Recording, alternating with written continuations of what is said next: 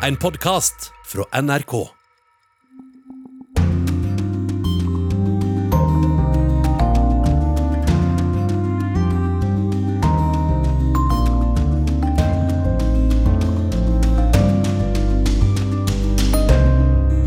Afghans are going to have to decide their future, what they what they want, uh, and the senseless violence that has to stop. But it's going to be very difficult. Nå må folk i Afghanistan avgjøre sin egen framtid. Men med all volden blir det vanskelig, innrømmer Joe Biden. Hvor ille er det på bakken i Afghanistan når de internasjonale styrkene nå drar etter 20 år? Over hele verden går folk i pride-parader i helga. Bli med til en krangel i Brussel og en historisk bar i New York. Men det var ikke slutt med dette. De neste dagene blusset protestene og sammenstøtene opp flere ganger. Vi skal til både Malawi og Etiopia i denne sendinga, og vi skal prøve å få en prat med Brasils mektige leder. Og møte en iransk ekspresident og rød klut ansikt til ansikt. Vi ser mot døren der Irans mest kontroversielle politiker snart kommer inn. I de åtte årene han var president, skapte han sterke reaksjoner både hjemme og ute.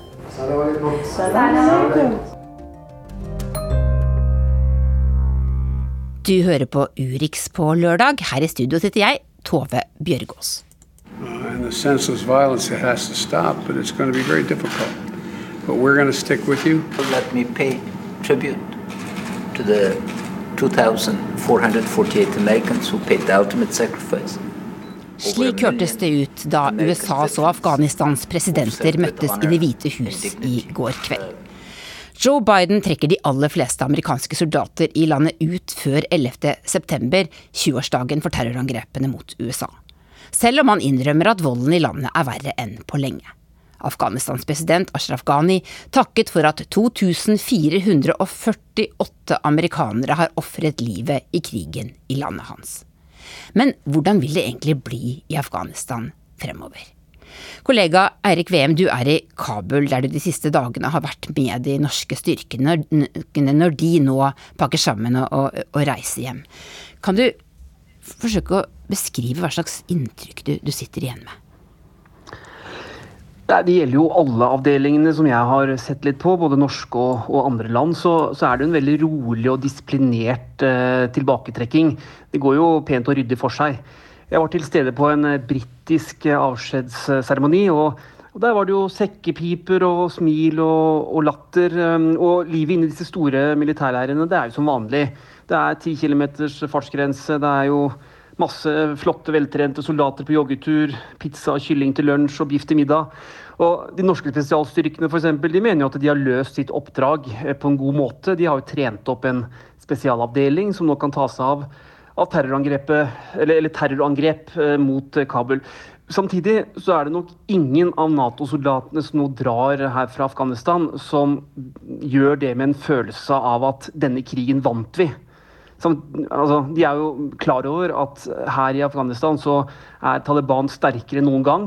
Terrorgruppen IS den bygger seg opp og posisjonerer seg med terrorangrep og, og rekruttering. Og det afghanske regimet det er ustabilt. Så jeg vil jo anta at de fleste tenker, som drar herfra nå, at med enorme ressurser fra Nato, våpen, styrker, stridsvogner, fly alt det man, man fikk da, så greide ikke afghanerne å nedkjempe Taliban. Så hvorfor de nå skal greie det på egen hånd, det er det vel egentlig ingen som tror noe på. Hvor farlig er det egentlig i Kabul nå? Det er ikke noen krigshandlinger inne i Kabul, men uh, merker jo likevel at byen er preget av en veldig anspent stemning. Folk uh, er redde, iallfall er det inntrykket jeg får av de jeg har fått snakke med.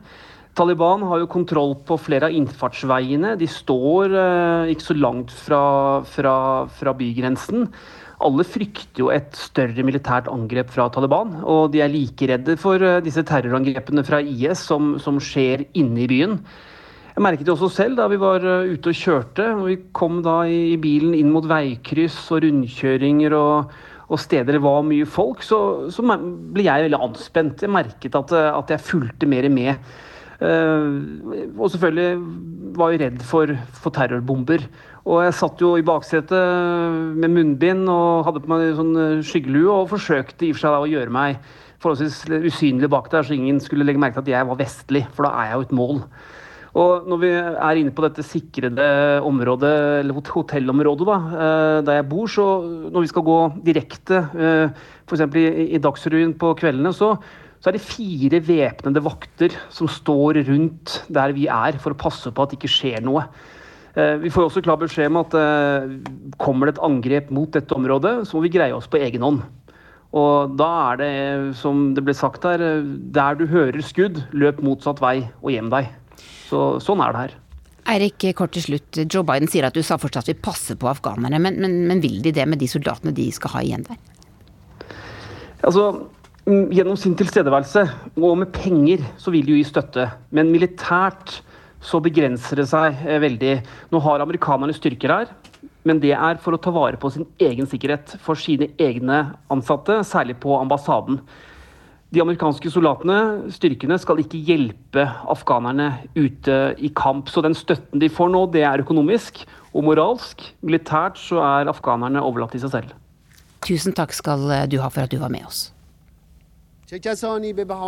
Who used the mysterious September 11th incident as a pretext to attack Afghanistan and Iraq, killing, injuring Husker du denne karen som sto på talerstolen i FN eh, for ti års tid siden og langet ut mot USA og europeiske land eh, etter det, bl.a. i forhold til eh, det som skjedde etter terrorangrepene 11.9., som jo også utløste krigen i Afghanistan?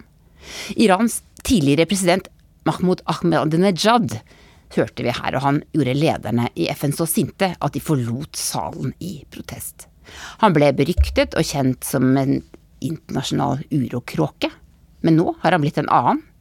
Fremdeles eh, kontroversiell i hjemlandet Iran, eh, men han forsøker å bli en slags eh, opposisjonsleder og et alternativ til dagens presteregime i Iran.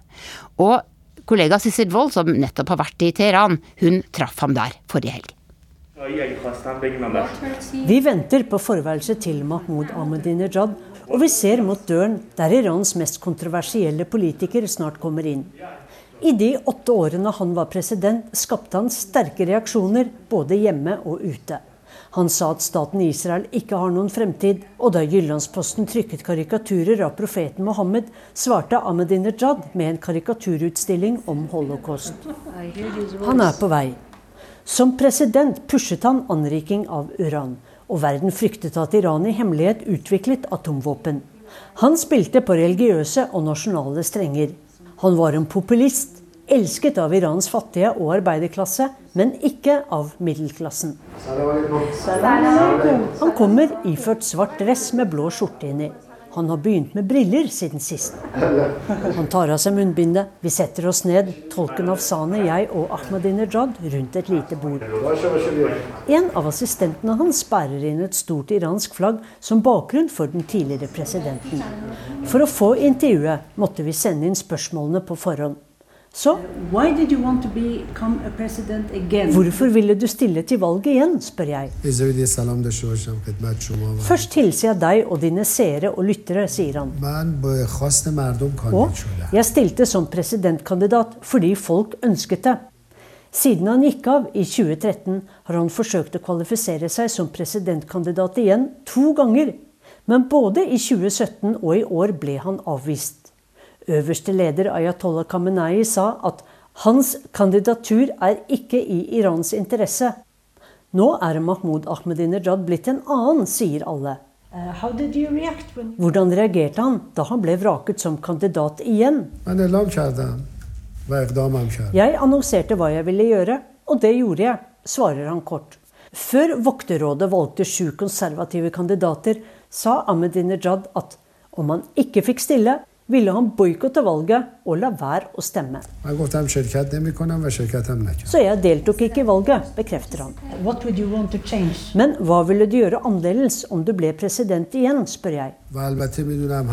Både Iran og verden trenger et korrektiv. Jeg har betydelige planer om å endre ting, både innenriks og utenriks. Iran er et rikt land, og vi kan løse mange av problemene våre raskt, sier han. Mens Afsane oversetter, holder han blikket mitt fast, som for å vente på reaksjoner.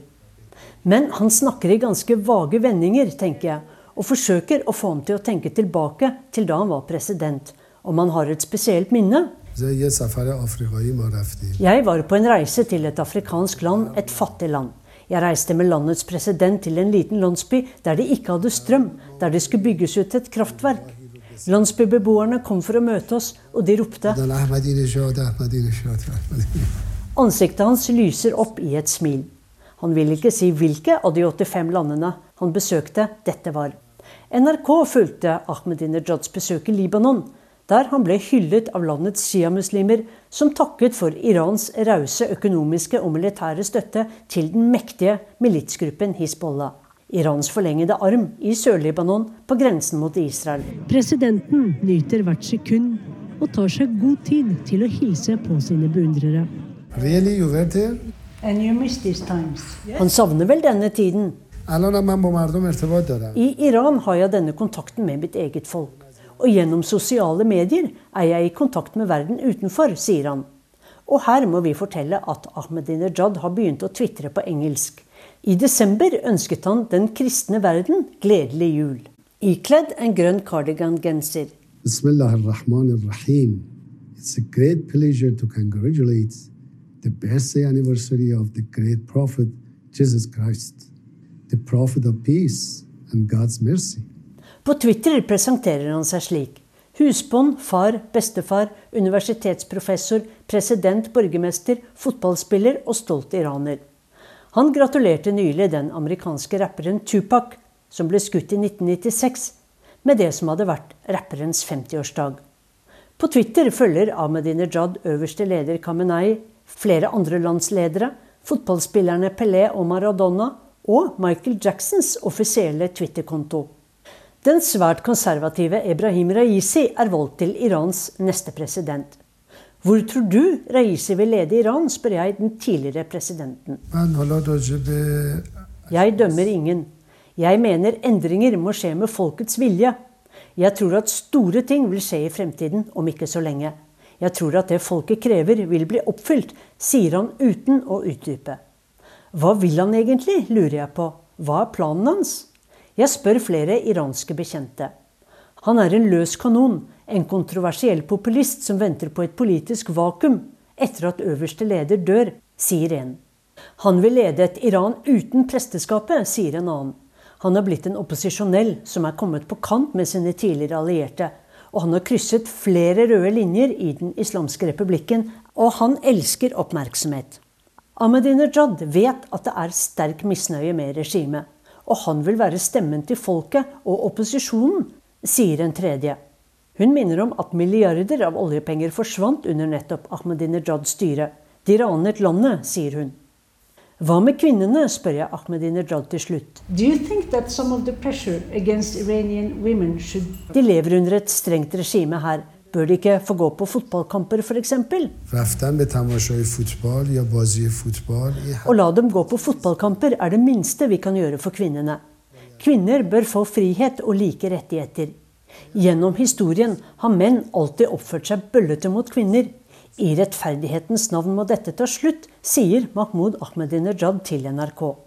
Du snakker jo som en feminist, har jeg så lyst til å si, men sier det ikke. Jeg spør heller ikke om han mener at kvinner skal få slutte å dekke håret, vel vitende om at da jeg laget en reportasje om hijab-protester i Iran, fikk jeg ikke visum på lang tid.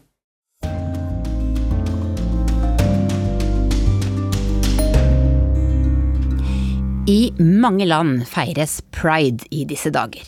Flere steder er parader blitt et fast årlig innslag, selv om de er sterkt redusert nå pga. pandemien. Starten på det hele var noen dramatiske dager i juni på slutten av 1960-tallet i New York, da homofili var et stort tabu. Vi skal tilbake dit. Ralph was sick, a sickness that was not visible like smallpox, but no less dangerous and contagious. You see, Ralph was a homosexual. Ralph var syk med en farlig og smittsom sykdom. Du skjønner, han var nemlig homoseksuell, blir det forklart i denne filmen, som ble vist til amerikanske skolebarn. I 49 av USAs delstater var homofili forbudt, og sex kunne straffes med bøter eller fengsel på 1950- og 60-tallet. Det var regnet som en sykdom. Behandlingen kunne være elektrosjokk, ja til og med lobotomi. If there was even a suspicion that you were a lesbian, you were fired from your job, and you were in such a position of disgrace Jerry Fair forteller til Democracy Now at du kunne bli sparket fra jobben hvis noen fant ut at du var lesbisk.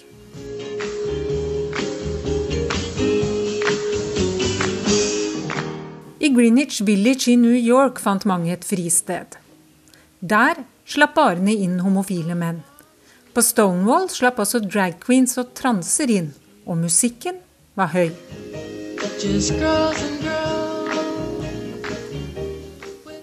Det var forbudt for barer å servere alkohol til homofile, og det var forbudt for menn å danse med menn, men her kunne de holde hverandre, ja kanskje ta på hverandre, i en sakte dans. Men politiet kom jevnlig på besøk. Klokka ett natt til lørdag den 28. juni 1969 gikk ni politimenn inn på Stonewall Inn. Ansatte ble arrestert for ulovlig alkoholsalg. Gjester ble arrestert fordi de ikke var korrekt kledd i henhold til sitt kjønn. For på den tiden håndhevet politiet nemlig en lov som aldri var blitt vedtatt. Den ble kalt The Three Piece Law. Det betydde at en person skulle ha på seg minst tre plagg som stemte med personens fysiske kjønn. En kvinne i bukser eller en transe i kjole kunne være i trøbbel. Raidet om morgenen den 28. juni var bare ett av mange, og nå hadde folk fått nok. De samlet seg utenfor og protesterte og ropte. De kastet flasker og steiner. Politifolkene søkte tilflukt i baren, mens de kalte på forsterkninger. Utenfor var det nå flere hundre sinte mennesker. Noen tente på bygget, men forsterkningene kom og fikk slukket brannen og spredd folkemengden. Men bråket fortsatte. Bargjestene dannet en lang rekke og danset kan-kan mot politiet mens de sang. Martin Boyce var der. We are the village girls. We wear our hair in curls. We wear our dungarees above our Nelly knees. And the police went crazy hearing that. And they just... Politiet ble angrepet av en rasende folkemengde. Mama Jean forteller til Democracy Now. I remember on that night, I was in a gay bar, a women's bar called Cookies. And that's when we saw everything happen blasting away, people getting beat up, police coming from every direction, uh, hitting women as well as men with their nightsticks. Uh, gay men running down the street with blood all over their face. Men det var ikke slutt med dette. De neste dagene blusset protestene og sammenstøtene opp flere ganger. Stonewall ble symbolet på kampen for homofiles rettigheter, og i 2016 erklærte president Barack Obama baren for et nasjonalt monument. So this week, I'm designating the Stonewall National Monument as the newest addition to America's national park system. Stonewall will be our first national monument to tell the story of the struggle for LGBT rights. Her hørte vi ham i en video lagt ut av Det hvite hus. Pride oppsto som en minnemarkering for Stonewall-opprøret. Nå er det en årlig feiring av lesbiske, homofile, transpersoner og andre LHBTQ-personer. Og den første markeringen i Norden var i København i 1971. Men fremdeles skaper kampen for seksuelt mangfold kontroverser i mange land, som f.eks. Polen. Frustration, sadness, regret, helplessness. Many of us are willing to emigrate, to leave Poland. I am also considering going abroad with my partner. So Rafal Wojcik sier at han vurderer å forlate hjemlandet. Han er trist over hvor lite som har endret seg. Og med dagens konservative regjering er situasjonen forverret, sier han til nyhetsbyrået Ap. Selv om de var mange i gatene i årets parade i Warszawa, fortsetter kampen mot forbud og fortielse. Ungarn har vedtatt en ny lov om at det er forbudt å lære skolebarn og mindreårige om homofili. Det sa reporter Marit Kolberg. Og nå har vi med oss deg, kollega i eh, Brussel, Simen Ekern. God formiddag. Mm. Ha, eh, God dag, god dag. Det, det, er jo en historisk eh, kamp de eh, har kjempet i LGBT-bevegelsen, men eh, i EU er den ikke helt over ennå. I denne uka så har altså eh, homofiles rettigheter er blitt et brennhett tema i europeisk politikk igjen på EU-toppmøtet, og ikke minst takket være Ungarns statsminister Viktor Orban. Hvorfor, hvorfor har det blitt så krast? Ja, Det var virkelig eh, krast. Det dominerte jo plutselig hele dette EU-toppmøtet på torsdag, da etter at uh, Ungarn vedtok denne loven, som, som, eh, som skal verne uh, folk under 18 år mot uh, beskrivelser og propaganda, som den ungarske regjeringen sier, som, som, da, som, da, gjør at bare det å, å framstille homofili på TV eller i undervisningen blir ulovlig, sånn som man får, får det presentert. Og for veldig mange av de andre EU-lederne så er dette ett skritt for langt fra Ungarn. Man har jo kritisert Ungarn eh, for mange andre eh, ting i mange år nå, men, men mange eh, av EU-lederne mente da at dette går ikke lenger. Dette er et så fundamentalt brudd på de rettighetene og de verdiene som det europeiske fellesskapet bygger på, at det kan ikke aksepteres. Og ordbruken ble så sterk at, at Nederlands statsminister f.eks. Mark Rutte sa at i dette spørsmålet vil jeg tvinge Ungarn i kne. Men eh, hvorfor gjør Orban dette? Er ikke dette politisk eh, skadelig for, for ham, også i forholdet til EU, som er viktig? Jo, det er det jo åpenbart. Og, og, og, det kan jo være at han nå har gått for langt, selv om man har trodd det i mange andre eh, saker eh, tidligere. Og så har han eh, klart å justere seg inn og, unngå et totalt brudd med EU. Og dermed kunnet komme hjem til Ungarn og si igjen har jeg forsvart vårt lands rettigheter. Men han gjør jo dette først og fremst fordi det er valg i Ungarn til våren. og han har en strategi som på noen vis minner litt om den som vi kjenner fra Donald Trump, der han går veldig eh, hardt ut på viktige eh, verdispørsmål. Eh, spørsmål som også i noen grad splitter den ungarske befolkningen, men han vet at han har kanskje støtte fra litt over halvparten av befolkningen, og, og, og går da så hardt ut han kan for å vise at det er dette som er den eneste rette ungarske linjen. Og, og alle som mener noe annet, er ikke egentlig uh, ungarere. Og i dette tilfellet så handler det om at han mener det fins en sånn um, genderkultur, en, en måte å framstille homofili på i Vest-Europa som er unaturlig og Eh, og skadelig, og ikke noe som passer eh, den eh, ungarske befolkningen. Og så er det jo mange i Ungarn som ikke er enig i det. Det har jo mm, også vært starten på pride-uka i Budapest i går, men, men, han gambler da på at de som er enige med ham, de er så enige at de vil gi ham støtte, også fordi at den hissige debatten er noe som bringer ham igjen i, i fokus, og gjør at han kan hente stemmer på det. Tusen takk skal du ha, Simen.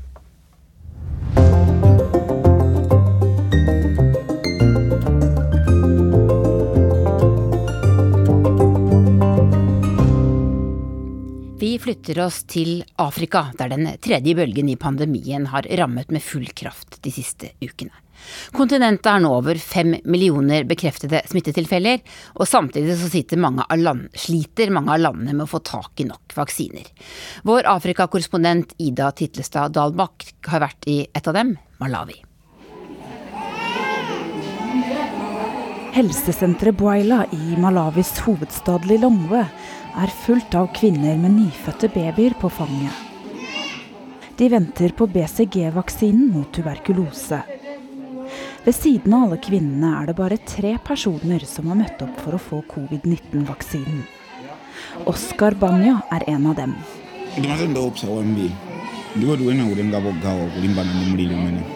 Covid-19 er et farlig virus. Jeg tar vaksinen fordi vi må kjempe mot denne sykdommen, sier Oskar. Han drar opp den rutete skjorta slik at overarmen kommer til syne. På trebenken ved siden av ham står en blå og hvit kjøleboks. En sykepleier åpner lokket og tar ut en liten glassflaske som inneholder en dose av AstraZeneca-vaksinen. Hun gjør klar sprøyta og setter den i armen til Oskar. Han sitter rolig mens han får den andre dosen av vaksinen alindi ndi haya be ndi vaccine ndi abu mabu ino modi ndo ningo ndi ndali sora be be be my vaccine o samina ubangi zina zo ndanga yabe nicht. Mange her i Malawi er redde for å ta vaksinen, men det er ingenting galt med den. Vi må oppfordre flere til å bli vaksinert, for det er ingen farlige bivirkninger, sier Oskar Banja. Han føler seg heldig som får ta vaksinen. For Malawi er på vei inn i den tredje bølgen av pandemien. I sentrum av Lilongwe tilbyr gateselgerne forbipasserende alt fra joggesko til levende høner. Kvinner bærer handleposene sine på hodet, mens tuk-tuker, sykler og biler snirkler seg i kø på støvete veier. Det er bare noen få mennesker som går med munnbind, til tross for at det er påbudt og tallet på smittede øker raskt. I mai hadde landet under ti nye smittetilfeller hver dag. Men torsdag denne uka var det 119 nye tilfeller fra dagen før. Og det offisielle tallet på døde kryper også oppover. At the moment, you don't see many people wearing masks. There's a general feeling like COVID-19 has come to an end. Such feelings have been seen periodically. For øyeblikket ser man ikke mange som går med munnbind. Det er en generell følelse i befolkningen av at covid-19-pandemien er over. Dette har vi sett i perioder før også, sier George Jobe. Vi treffer helseaktivisten i sentrum av Lilongwe. Han tar oss imot i kontorlokalene til Malawi Health Equity Network, som han er direktør for. We also suspect that people are thinking uh, that uh, a certain population has been vaccinated, we are safe. But it is only 1% at the moment that has received the vaccine. Jobe forteller at mange inntok en mer avslappet holdning til restriksjonene etter den andre bølgen av pandemien. Mange tenker at den er over, men bare 1% av befolkningen her er vaksinert, og nå stiger tallene igjen, sier helseaktivisten, som er bekymret. Malawi venter fortsatt på 1,3 millioner vaksinedoser som skulle ankommet landet 3.6. Samtidig som mange land i Afrika mangler vaksiner, har den tredje bølgen rammet kontinentet med full kraft de siste ukene. Nå er det over fem millioner bekreftede smittetilfeller i Afrika, viser tall fra Verdens helseorganisasjon.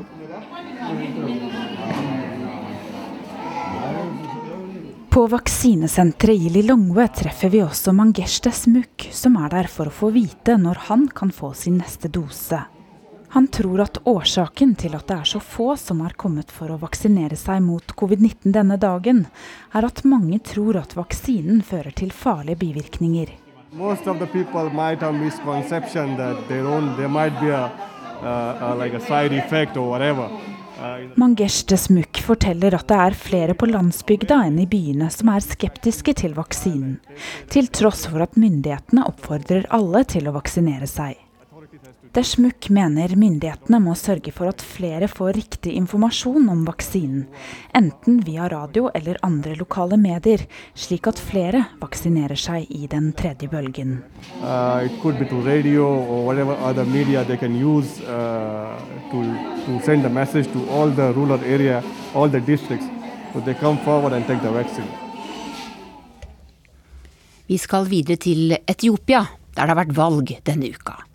Valget har vært preget av den blodige konflikten i Tigray-provinsen, som denne uka blusset opp da 43 mennesker ble drept i et flyangrep som regjeringsstyrkene har påtatt seg ansvaret for.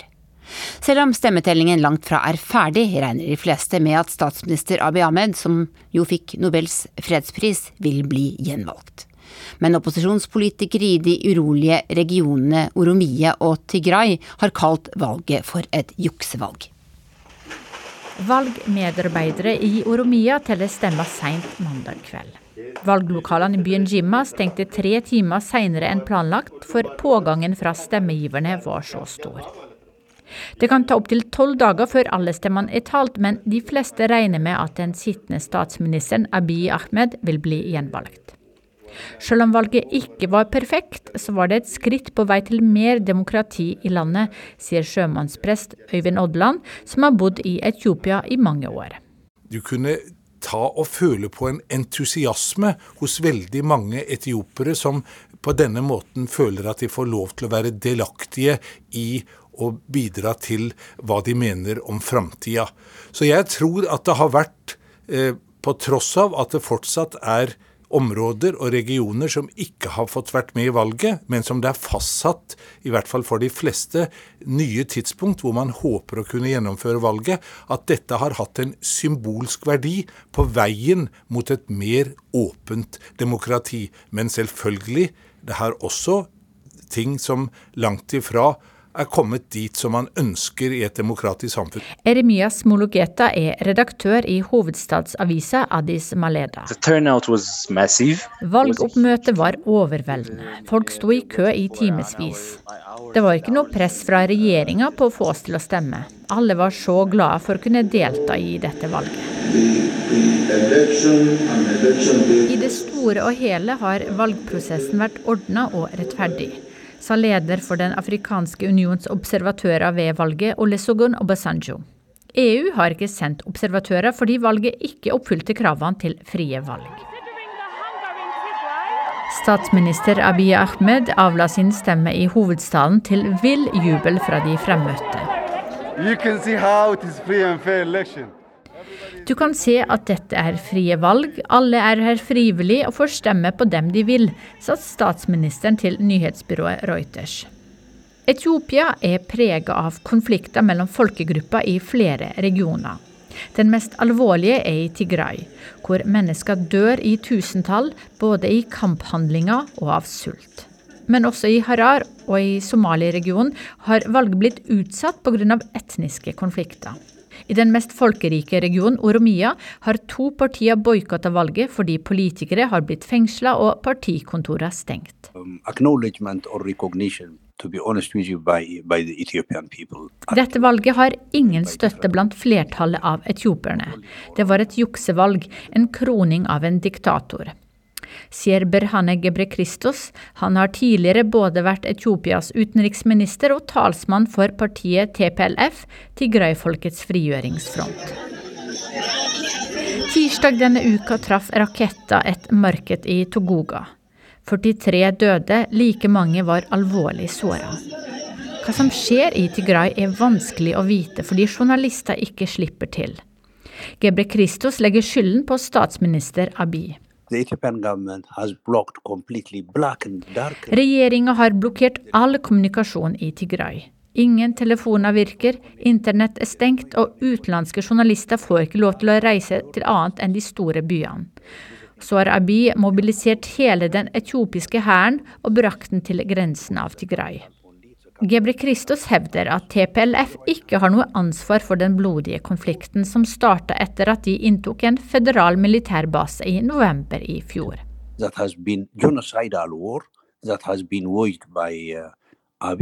Abi har ansvaret for etnisk rensing, og han har invitert Eritrea inn, og de har også stått for etnisk rensing.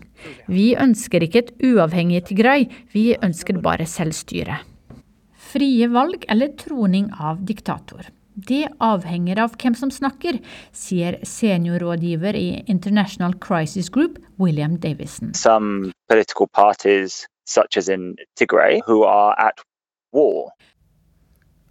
Sofia Paskiewicz hadde laget denne saken.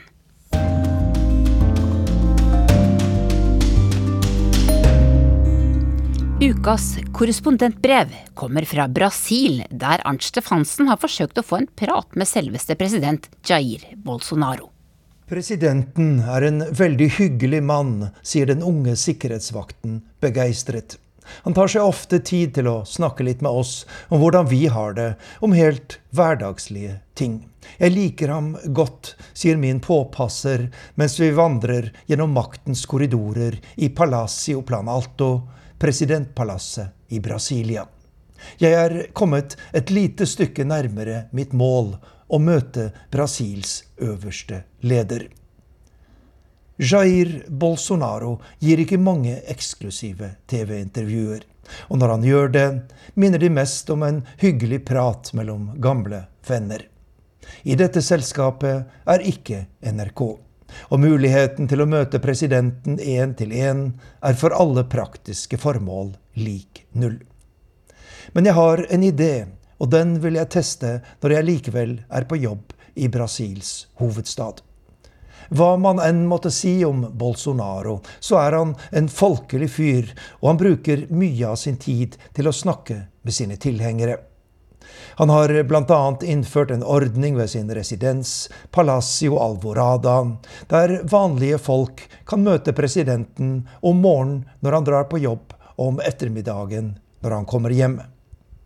Denne ordningen gjelder i prinsippet også journalister, men som jeg etter hvert oppdaget, under helt bestemte betingelser. Det første kravet er en egen akkreditering til presidentens bolig, og det er ingen spøk i Brasil. Den første beskjeden jeg fikk, var følgende. Vi må ha en offisiell erklæring fra din arbeidsgiver. Dette var en lørdag, altså i utgangspunktet en vanskelig dag. Men min sjef i NRK, Sofie Gran Aspenvik, kastet seg rundt på sin frihelg og ordnet meg et anbefalingsbrev med stempel og brevhode. Og dermed var jeg i gang. Et døgn senere, etter utallige runder med byråkratiet, kunne jeg møte opp i presidentpalasset, der den allerede nevnte sikkerhetsvakten tok meg med til et kontor da jeg fikk mitt akkrediteringskort. Byen Brasilia er en av verdens merkeligste hovedsteder.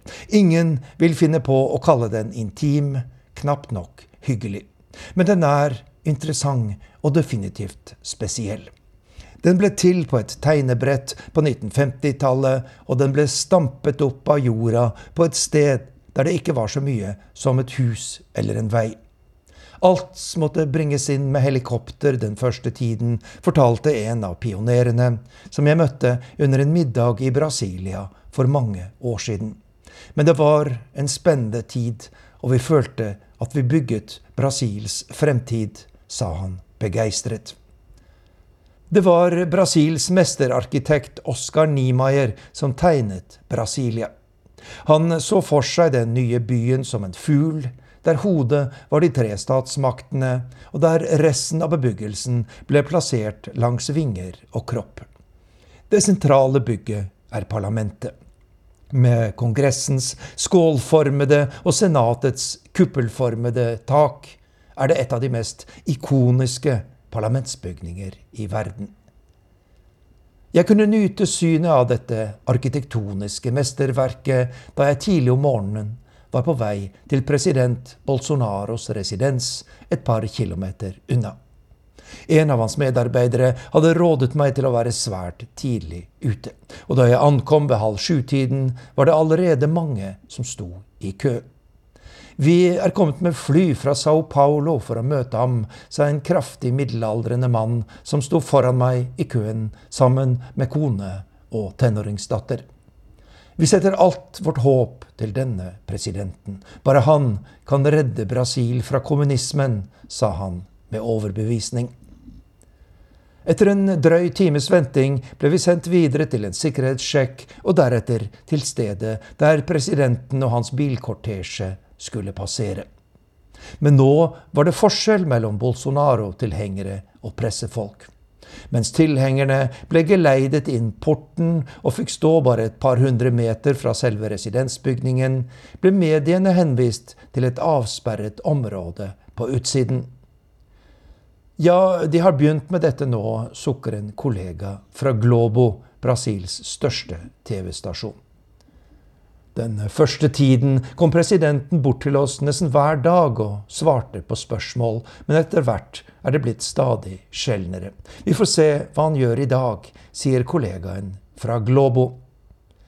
Vi er sju-åtte TV-kanaler som venter på Bolsonaro. Med i gruppen er TV Rekord, SBT og CNN Brasil. I tillegg til Globo, altså landets største og viktigste medier. Etter en times ventetid kommer bilkortesjen. Den stopper som ventet foran gruppen med tilhengere, der presidenten stiger ut og blir tatt imot med stor begeistring. Han gir seg god tid og snakker med alle. Jeg tenker på familien fra Sao Paulo, som sikkert opplever et av sine største øyeblikk. Det er jo egentlig fint at en politisk leder gjør dette, men vil han også ta seg tid til å snakke med oss journalister, som tross alt når ut til millioner av mennesker? Etter 20 lange minutter tar Jair Bolsonaro avskjed med sine beundrere. Han setter seg inn i sin svarte limousin, og kortesjen kommer mot oss. Kameraene går, mikrofonene er stilt opp. Nå avhenger alt av presidenten. Men eh, allerede før bilene når frem til oss, skjønner vi hva som vil skje. De sakker ikke farten, men feier forbi oss som om vi ikke eksisterer. Jeg kjenner en dyp skuffelse, men ved nærmere ettertanke er jo vi journalister heldige. Uansett hvor galt det går, så blir det en historie. Slik som dette korrespondentbrevet.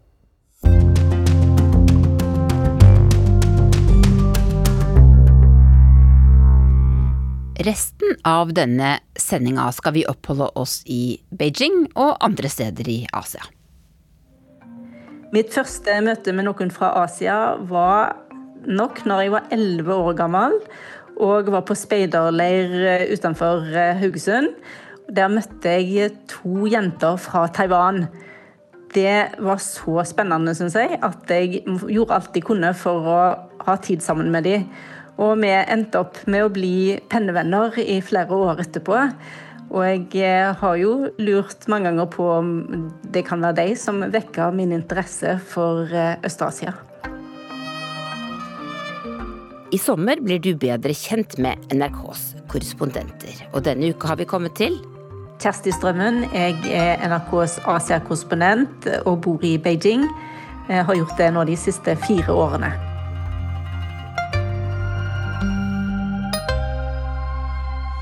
Kjersti, hvorfor, eh, hvorfor er det akkurat de fra Taiwan du ble så interessert i, tror du? Ja, Det var vel kanskje de mest eksotiske utlendingene jeg noen gang hadde møtt. Og eh, kanskje hadde det noe med disse TS-avisene fra eh, Øst-Asia som var hjemme i skapet å gjøre. Faren min var sjømann, det var onkelen min, og farfaren min var sjømann. Eh, men eh, vi ble altså venner, og eh, brevskrev til hverandre i flere år etter eh, at vi møttes. Kjersti, det er andre gang du er eh, i Asia som NRKs korrespondent. Og etter den forrige runden så skrev du en bok som rett og slett het Tatt av Asia. Hva er det med Asia for deg? Ja, det kan ha vært litt tilfeldig at jeg ble eh, akkurat interessert i Asia. Eh, men eh, en av inngangsportene til det var jo det japanske språket som jeg begynte å studere på universitetet, fordi jeg tenkte at jeg ville ha et språk som åpna stengte dører. Kunne ta meg bak en fasade eh, inn i en slags hemmelig verden som bare de som kunne dette språket, forsto. Og så er jo Asia ekstremt variert. Veldig sammensatt satt, og ikke minst utfordrende. Og kanskje spesielt eh, her jeg er nå, i Kina, så er det jo nesten eh, sånn at man må være litt geriljakriger og hoppe over veldig mange hindre. og, og synes at det er fascinerende. Det er utfordrende på absolutt alle måter. Og det eh, liker jeg vel, da. Ja, har det vært veldig annerledes å bo der eh, disse siste fire årene enn i den forrige perioden din? Jeg eh, opplever vel egentlig ikke det. Jeg opplever at eh, Beijing og Kina på mange måter eh, har den samme sjelen som den hadde da jeg var her første gang. Men det er en god del andre ting som har endret seg, og det er bl.a. dette med penger, økonomi. Altså Kinas storbyer er jo blitt blant de dyreste i verden å bo i. Folk har fått mye penger mellom eh, hendene. Her har man jo sinnssykt mange millionærer. Og så er det det at um, Overvåkningen var jo òg veldig tilstedeværende den gangen jeg bodde her sist, mellom 1999 og 2003. Men uh, den er jo blitt mer elektronisk og mer systematisert. Sånn at det er jo mye vanskeligere nå å prøve å få til kanskje en slags uh, hemmelig avtale med en kilde eller eh, eh, møter. Og eh, det gjelder jo både for oss som er journalister og for folk flest, at det nå er vanskeligere å gjemme seg unna.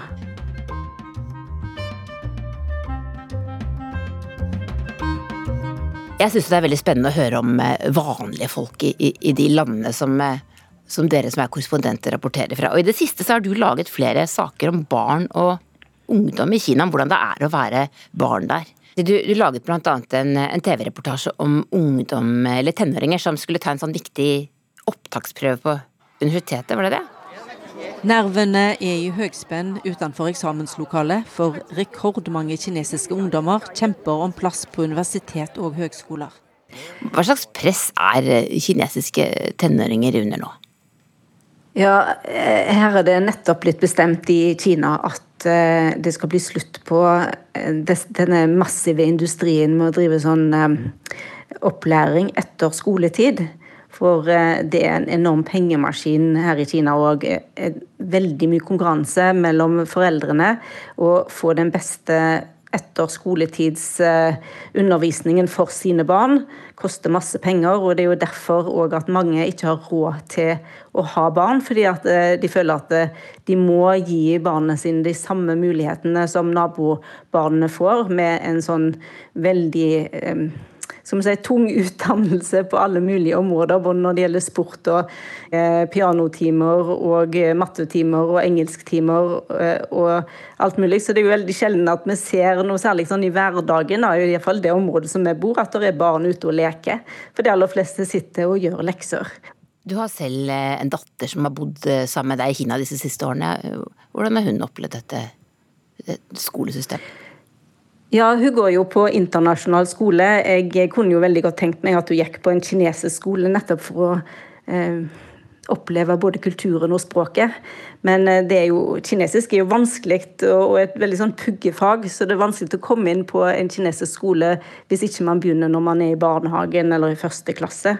Så mm, min datter har gått på internasjonal skole, men den merkes òg at den er ganske påvirka av kinesiske foreldre. Fordi mange av disse barna som går der og går på de internasjonale skolene, eh, har kinesiske foreldre, men kanskje er født i utlandet. og Derfor så har de fått utenlandsk pass og mulighet til å gå på en internasjonal skole. Så Det betaler kinesiske foreldre veldig mye penger for. og Derfor så blir det òg veldig dyrt for mange Eh, fra utlandet i å ha barn på skole her. Det gjør òg at mange rett og slett har rømt fra Kina fordi de ikke har råd til å betale for eh, det det koster. Så utdanning er nøkkelen til, til framtida for, for, kinesiske familier? Ja, helt klart. Altså, det begynner fra de er eh, født omtrent. Så snart de kan snakke, så skal de ha ekstraundervisning for nettopp å bli forberedt til den store eksamenen Gaokao, som eh, da eh, vil være eh, et ja eller nei til videre ut, utdanning på et viktig eller stort eller betydningsfullt universitet. For får du det, så er liksom livet ditt redda.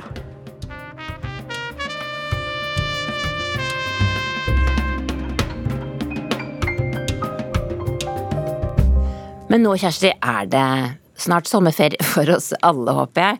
Sommer i Kina, hva, hva er det? Hvordan vil du beskrive sommer i Kina?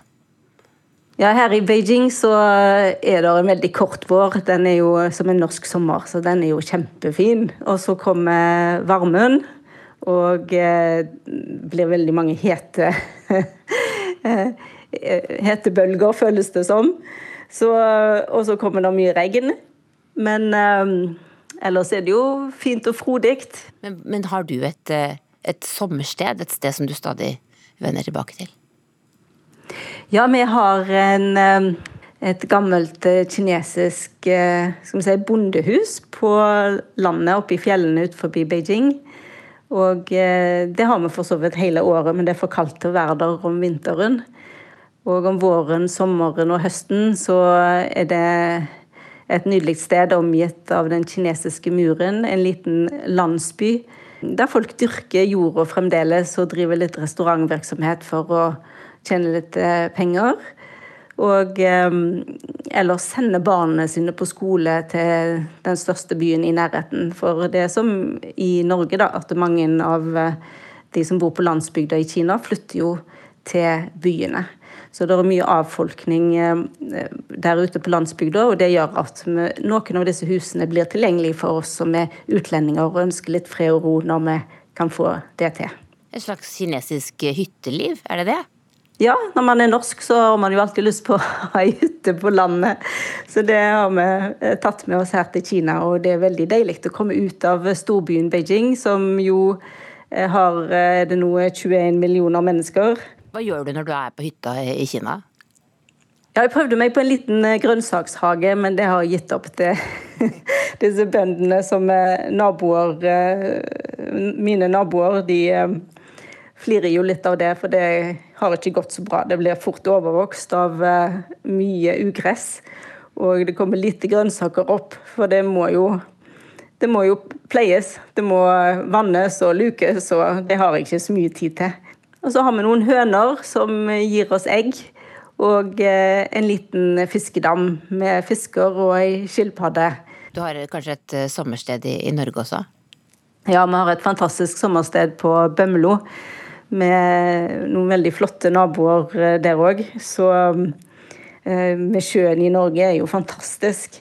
Så det beste jeg eh, vet om, det er jo å pendle mellom Bømlo og Beijing. Det er det perfekte livet, syns jeg. Ja. Bømlo til Beijing, det er bra.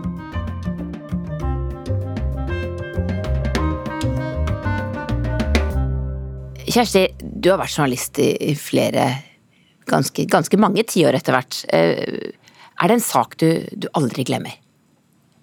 Ja, det er jo ganske mange minner jeg bærer med meg. Men et av de som sitter sterkest igjen, er nok eh, tsunamien. Da var vi et av de første fjernsynstimene som kom til Aceh i Indonesia, altså i 2004.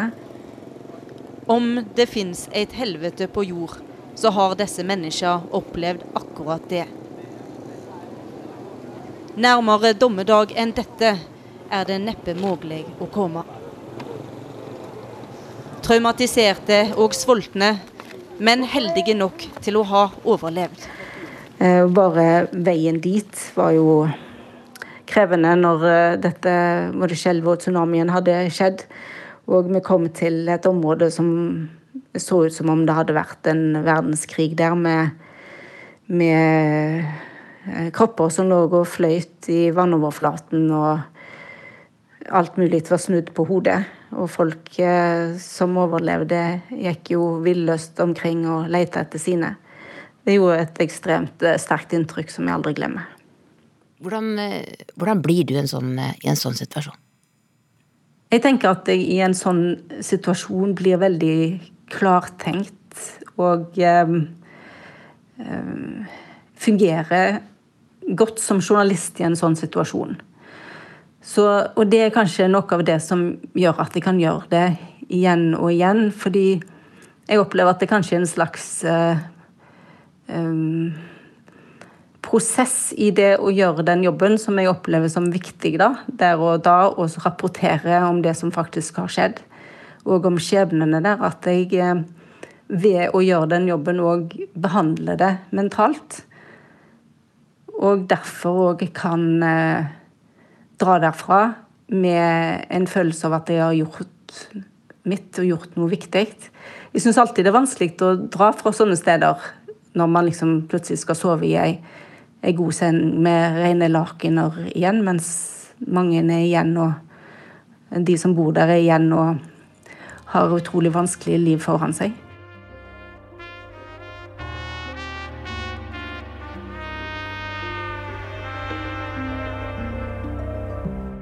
Kjersti, er det en sak du ikke har fått laget? Eh, noen du gjerne skulle møtt? Ja, absolutt. Disse to jentene fra Taiwan som jeg traff når jeg var eh, trolig elleve år og speider, de eh, skrev et brev til meg eh, i 1978 eller 79, da de var rasende på at eh, USA eh, inngikk diplomatiske forbindelser med Beijing, altså Fastlandskina, og der det ble sett på som et svik mot Taiwan. Og den gangen så var jeg så ung, jeg var kanskje 13 år, og skjønte lite av dette sinnet. og hvor viktig dette var for dem. Og så har jeg tenkt på det mange ganger etter at jeg eh, endte opp igjen i Asia, at jeg har lyst til å finne dem igjen og finne tilbake til de brevene som jeg helt sikkert har gjemt vekk en eller annen plass. Og se om vi kan klare å finne dem i Taiwan og besøke dem. Og akkurat nå så blir jo eh, Taiwan beskrevet av eh, tidsskriftet The Economist som det farligste stedet på jord. Nettopp fordi at dette stedet er så ekstremt viktig for Kina, og fordi USA og Eh, ja, det er viktig for USA at det ikke blir en del av Kina. Så her eh, ligger det jo masse historie og eh, skjebner. Og disse jentene, hvordan ble det med deres liv? Det lurer jeg veldig på. Etter den siste gangen jeg hørte fra dem. Tror du du klarer å få tak i dem? Ja, før så var iallfall postvesenet veldig flinke til å finne folk som hvis man hadde en gammel adresse. Så det er kanskje mulig. Men først må jeg finne brevene, og så må jeg komme meg til Taiwan. Jeg har jo foreløpig aldri vært der, så det er, det er noe jeg absolutt kunne tenkt meg, og som jeg hadde tenkt å gjøre denne gangen, men så kom pandemien. Så um, forhåpentligvis så kommer det en ny sjanse. Takk for at du hørte på Urix på lørdag. Ansvarlig for sendingen var Finn Lid, Anna Helene Folkestad og meg, Tove Bjørgaas. Du har hørt en podkast fra NRK. Hør flere podkaster og din favorittkanal i appen NRK Radio.